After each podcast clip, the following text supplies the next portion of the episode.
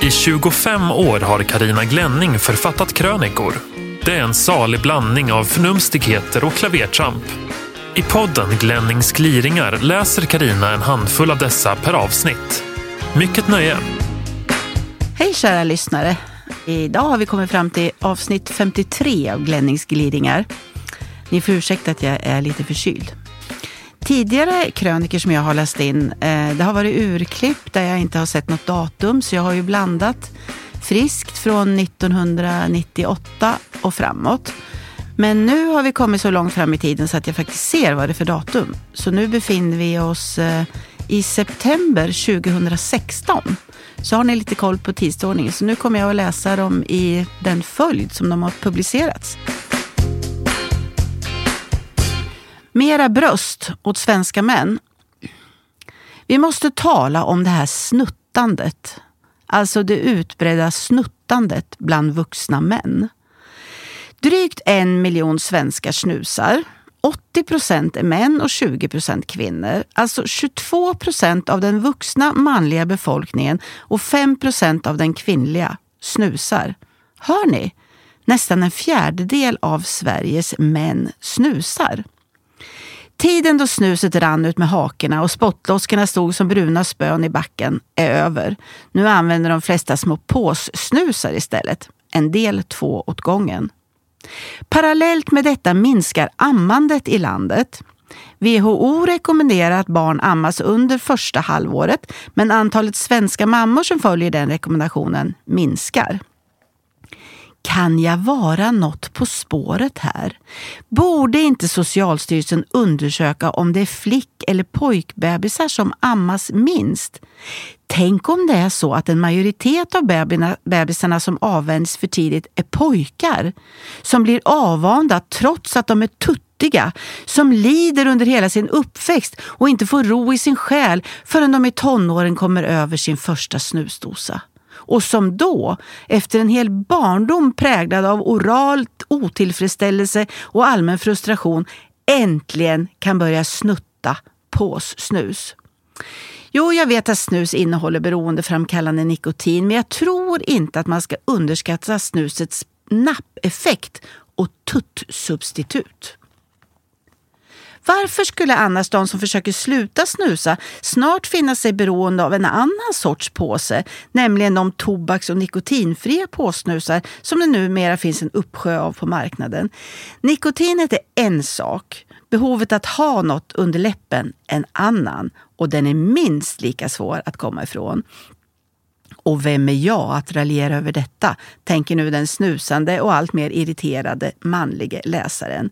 Jo, jag är också en snuttare. I 40 år har jag snusat. Lössnus. Under de senaste åren en hel dosa om dagen. En kedjesnusare alltså. Om jag har slutat för Oh ja, tjogvis av gånger. Och varje gång har jag efter en tid, ibland så lång som ett och ett halvt år, tänkt att nu är jag inte nikotinberoende längre. Nu kan jag unna mig en enda festsnus. Men för en inbiten nikotinist finns det inget som heter en enda snus eller cigarett. En enda räcker för att väcka nikotinmonstret i kroppen. 30 augusti la jag och gubben av, igen. Då hade jag läst ut boken Äntligen icke-rökare av Alan Carr. Boken som fick min mamma att sluta röka 2004. Att man är en idiot som bombarderar kroppen med nikotin, det vet alla rökare och snusare. Sällan räcker dock den vetskapen för att man ska kunna sluta. Men efter att ha läst boken känner jag mig så urbota korkad att jag skämdes över tanken på en enda prilla till. Helt utan skrämseltaktik eller uppbådande av viljestyrka.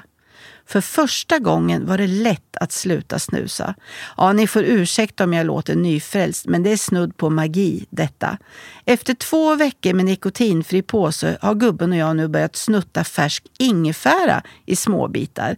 Det skaver en del under läppen, men piggar upp. En trygg liten napp. Ska detta nu bliva vår last? Ingefära, att gå omkring med läppskav och osa asiatisk wokrätt. Ja, ja, allt som inte gör the Swedish match med en enda krona till känns bra. Låt mig ha Ernst i fred. Det finns mycket jag har förståelse för att folk avskyr, som idiotiska ismer till exempel. Men hur man kan avsky Ernst Kirchsteiger, det begriper jag faktiskt inte. Det är mycket Ernst nu. Sommarsäsongen är över och många känner sig föranledda att tycka något om Ernst. För eller emot, bu eller bä. Varför väcker denna man så starka och stundtals aggressiva känslor hos företrädesvis andra män? Är han för komplett? Är det det som sticker i ögonen?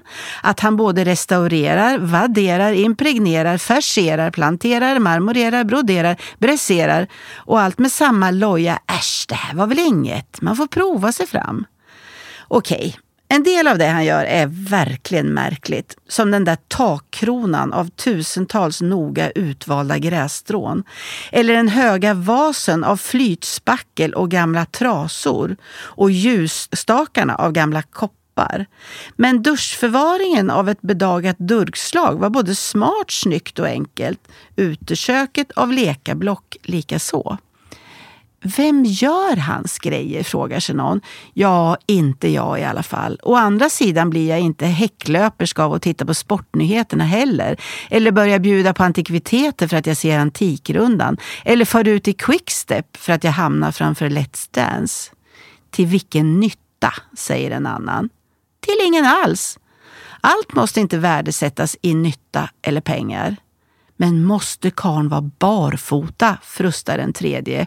Ja, det tycker jag. Snyggare mansfötter får man leta efter. Nej, det är tempot som gör att jag vill se Ernst. Hur han liksom sjunger långsamhetens lov med projekt som varken är nödvändiga, dyra, särskilt praktiska eller går snabbt. Men som skänker ro medan de skapas och förhoppningsvis också när de är färdiga. Att få slippa det där uppskruvade flåsiga tempot helt utan andrum. Jag tycker det är rofyllt att titta på en man som gör en takkrona av tusentals grässtrån helt enkelt. Det är hoppingivande att sådana människor fortfarande finns. Gubben håller inte med. Han suckar, smackar och himlar med ögonen. Men det är slut med det nu. Sluta smacka eller gör något annat gubbe. Så nu hör han något annat och låter hustrun drömma sig bort i vajande gräs. Ingen kan heller som Ernst krydda sina projekt med helt osannolika, men förvisso sensuella ordvändningar. Lyssna bara. Jag har mött libbstickor som tittat mig i ögonen. Man måste se kuddarna som en orkester. Se så vackert stenen tar emot oljan. Idag ska vi smeka upp ett kök. Man kanske borde tälja en pinne då och då för att må lite bättre. Det här är en fin liten morot som förtjänar respekt.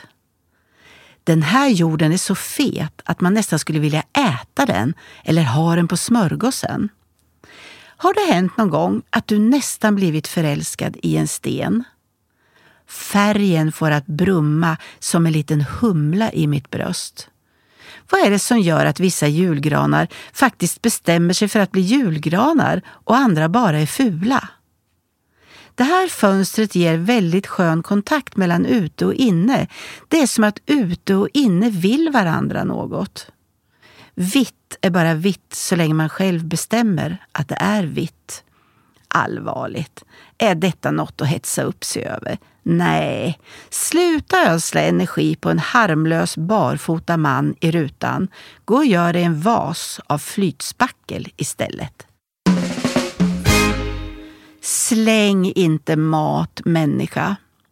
Hur gick det egentligen till när vi i den rika världen slutade ta tillvara maten och började slänga den istället?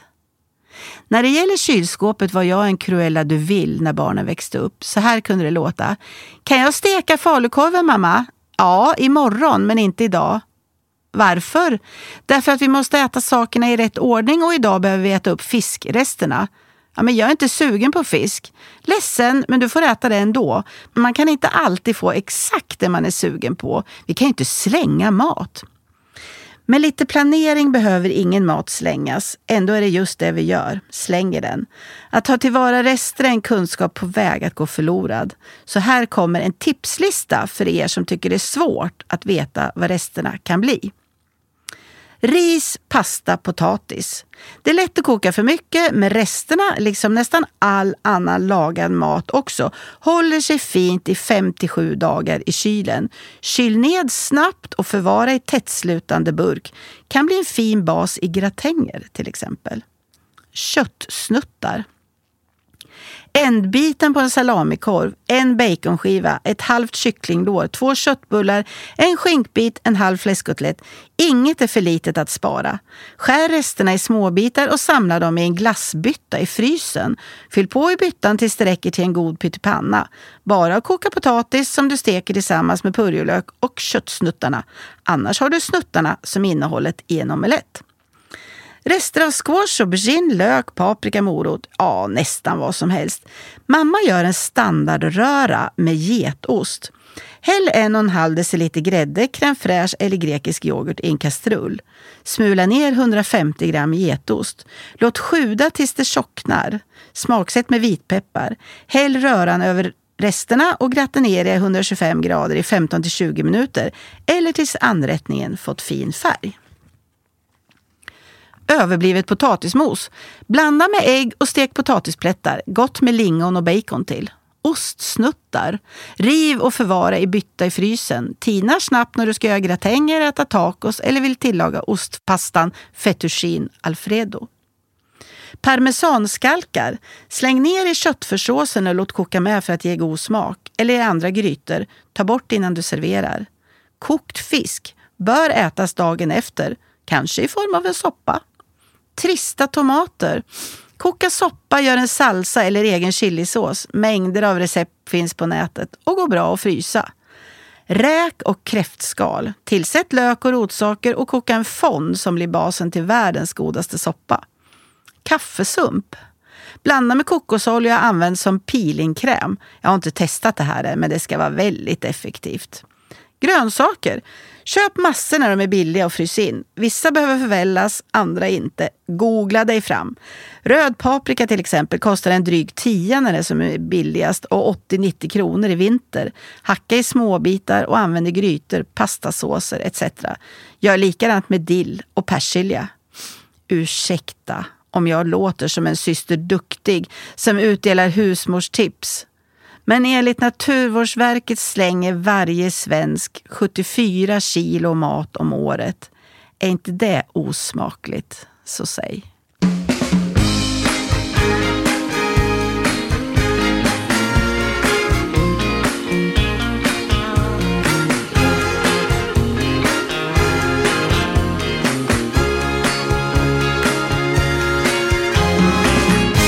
En mångalen masugn Vissa saker får man verkligen inte säga i det här landet, men nu gör jag det ändå. Jag är trött på värmen och vill ha kyla. Hej, jag heter Karina och är en klimakteriekärring. Eftersom det är ett skällsord ska jag avväpna det genom att göra det till mitt eget. Om vi bortser från en aspekt är det faktiskt alldeles underbart att vara en mogen klimakteriekärring på 50 plus. Klimakteriet som övergång eller undergång, det råder det delade meningar om. Vissa drabbas lindrigt i bara några år, andra brottas med vallningar i 20 år. En del blir nedstämda, får sömnproblem och humörsvängningar. Jag lider bara av vallningar under augusti och september mer än vanligt. Man skulle kunna tro att jag med min kroppstemperatur på 50 grader upplevde den 30-gradiga värmen utomhus som svalkande. Icke! Hettan ackumuleras och blir till 80 grader i min kropp. Nu vill jag ha kyla och höst. Jag ska nu beskriva hur det är att vara klimakteriekärring så att ni som inte är det kan uppbåda lite medkänsla. Du ska på en trevlig middag. Du duschar, smörjer in dig, rullar deo, duttar parfym, tar på fina kläder, fixar håret och sminkar dig och far iväg. Just när stämningen är på topp och middagssällskapet har satt sig till bords kommer nu, utan minsta förvarning och helt utan synbar anledning, en tsunamivåg av hetta rullande. Du börjar ånga och svettas som en bamsekorv över en het grillbädd. Panna och näsa beströs med svettpärlor. Du är sjöblöt under armarna och det rinner längs ryggen. Din festfina uppenbarelse har i ett slag förvandlats till en högröd, svettklibbig masugn. Och det finns inget du kan göra. Det hjälper varken att klä av sig ett lager kläder eller flaxa med något framför nyllet. Nästa vallning kan komma en kvart senare eller om tre veckor. Här finns ingen förutsägbarhet alls. Det är väl inte konstigt att man blir en smula vresig och stingslig av att vara instängd i en så oberäknelig kropp. Häromåret köpte jag mig en liten klimatanläggning till sovrummet. Byggfläkten bet inte på min heta kropp längre. Nu står den på 16 grader nattetid och gubben klagar över att han har konstant nästäppa i denna permafrostmiljö. Sonen å sin sida påstår att jag indirekt gett honom rethosta eftersom jag alltid har altandörrarna i köket öppna. Alla är emot mig. Klä på er, frustar jag. Jag menar köld kan man ju till skillnad från hetta göra någonting åt. Det måste gå att ta tillvara all denna värme vi klimakteriekärringar alstrar. En liten behändig generator, varför har ingen uppfunnit det? Kanske i form av ett snyggt halsband eller en klocka. En normalsvettande klimakteriekärring borde kunna värma både det egna och grannens hus och tillsammans kan vi värma hela villakvarter. Eftersom en stillasittande normal människa avger drygt 100 watt torde en klimakteriekärring avge åtminstone 1000 watt. Hallå alla smarta hjärnor, det här kan väl inte vara så komplicerat att lösa?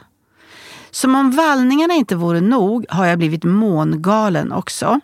Jag vaknar runt 02 vid fullmåne och det är stört omöjligt att somna om. Gubben fnyser och säger att jag inbillar mig. Det är inte vetenskapligt bevisat att månen påverkar oss, men det finns det ju så mycket som inte är och som vi ändå vet existerar.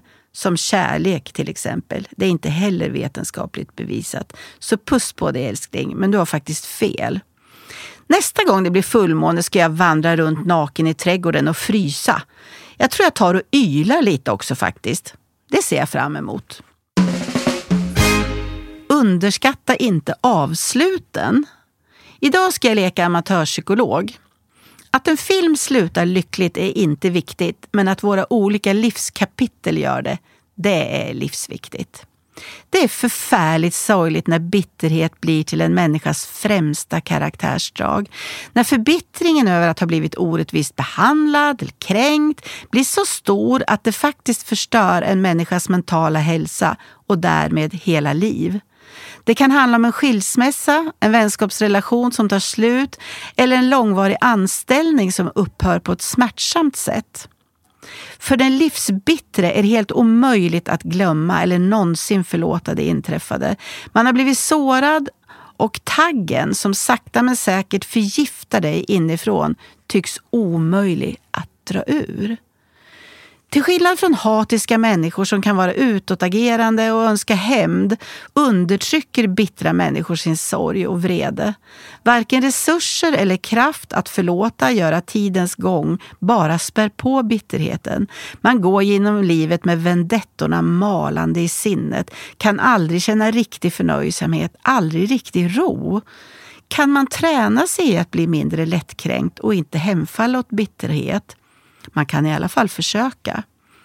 Jag brukar hurtigt säga att det är inte hur vi har det utan hur vi tar det som är det avgörande. När barnen växte upp, upplevde en oförrätt och inte kunde sluta älta den brukar jag säga låt inte sånt du ogillar bo gratis i ditt huvud och suga bort din energi. Det dåliga är inte värt din uppmärksamhet. Jag försökte också förmedla att det kanske inte finns bra sätt att avsluta en kärleksrelation på, men att det finns mindre dåliga. Att det är guld värt att man försöker att inte skiljas som ovänner. Och så det här med perspektiv förstås. Att höja blicken och öva sig i att se bortom sig själv, sätta den egna situationen i relation till andras. Jag vet inte om mina intentioner har någon nytta på lång sikt, men jag hoppas.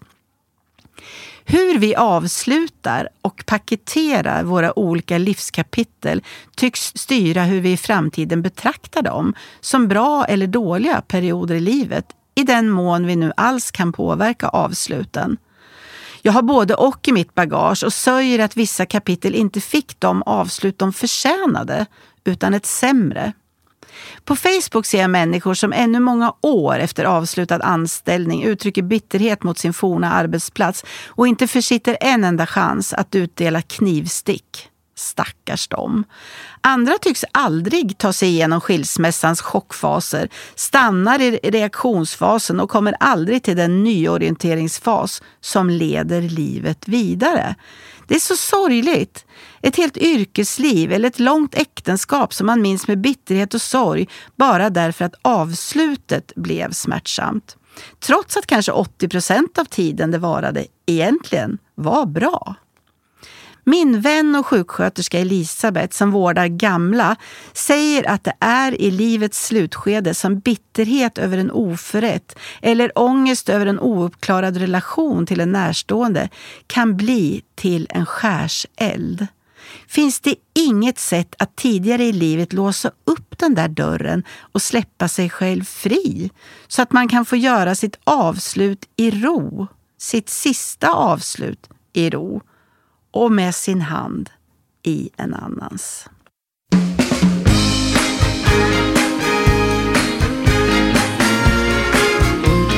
Du har lyssnat på Glennings gliringar.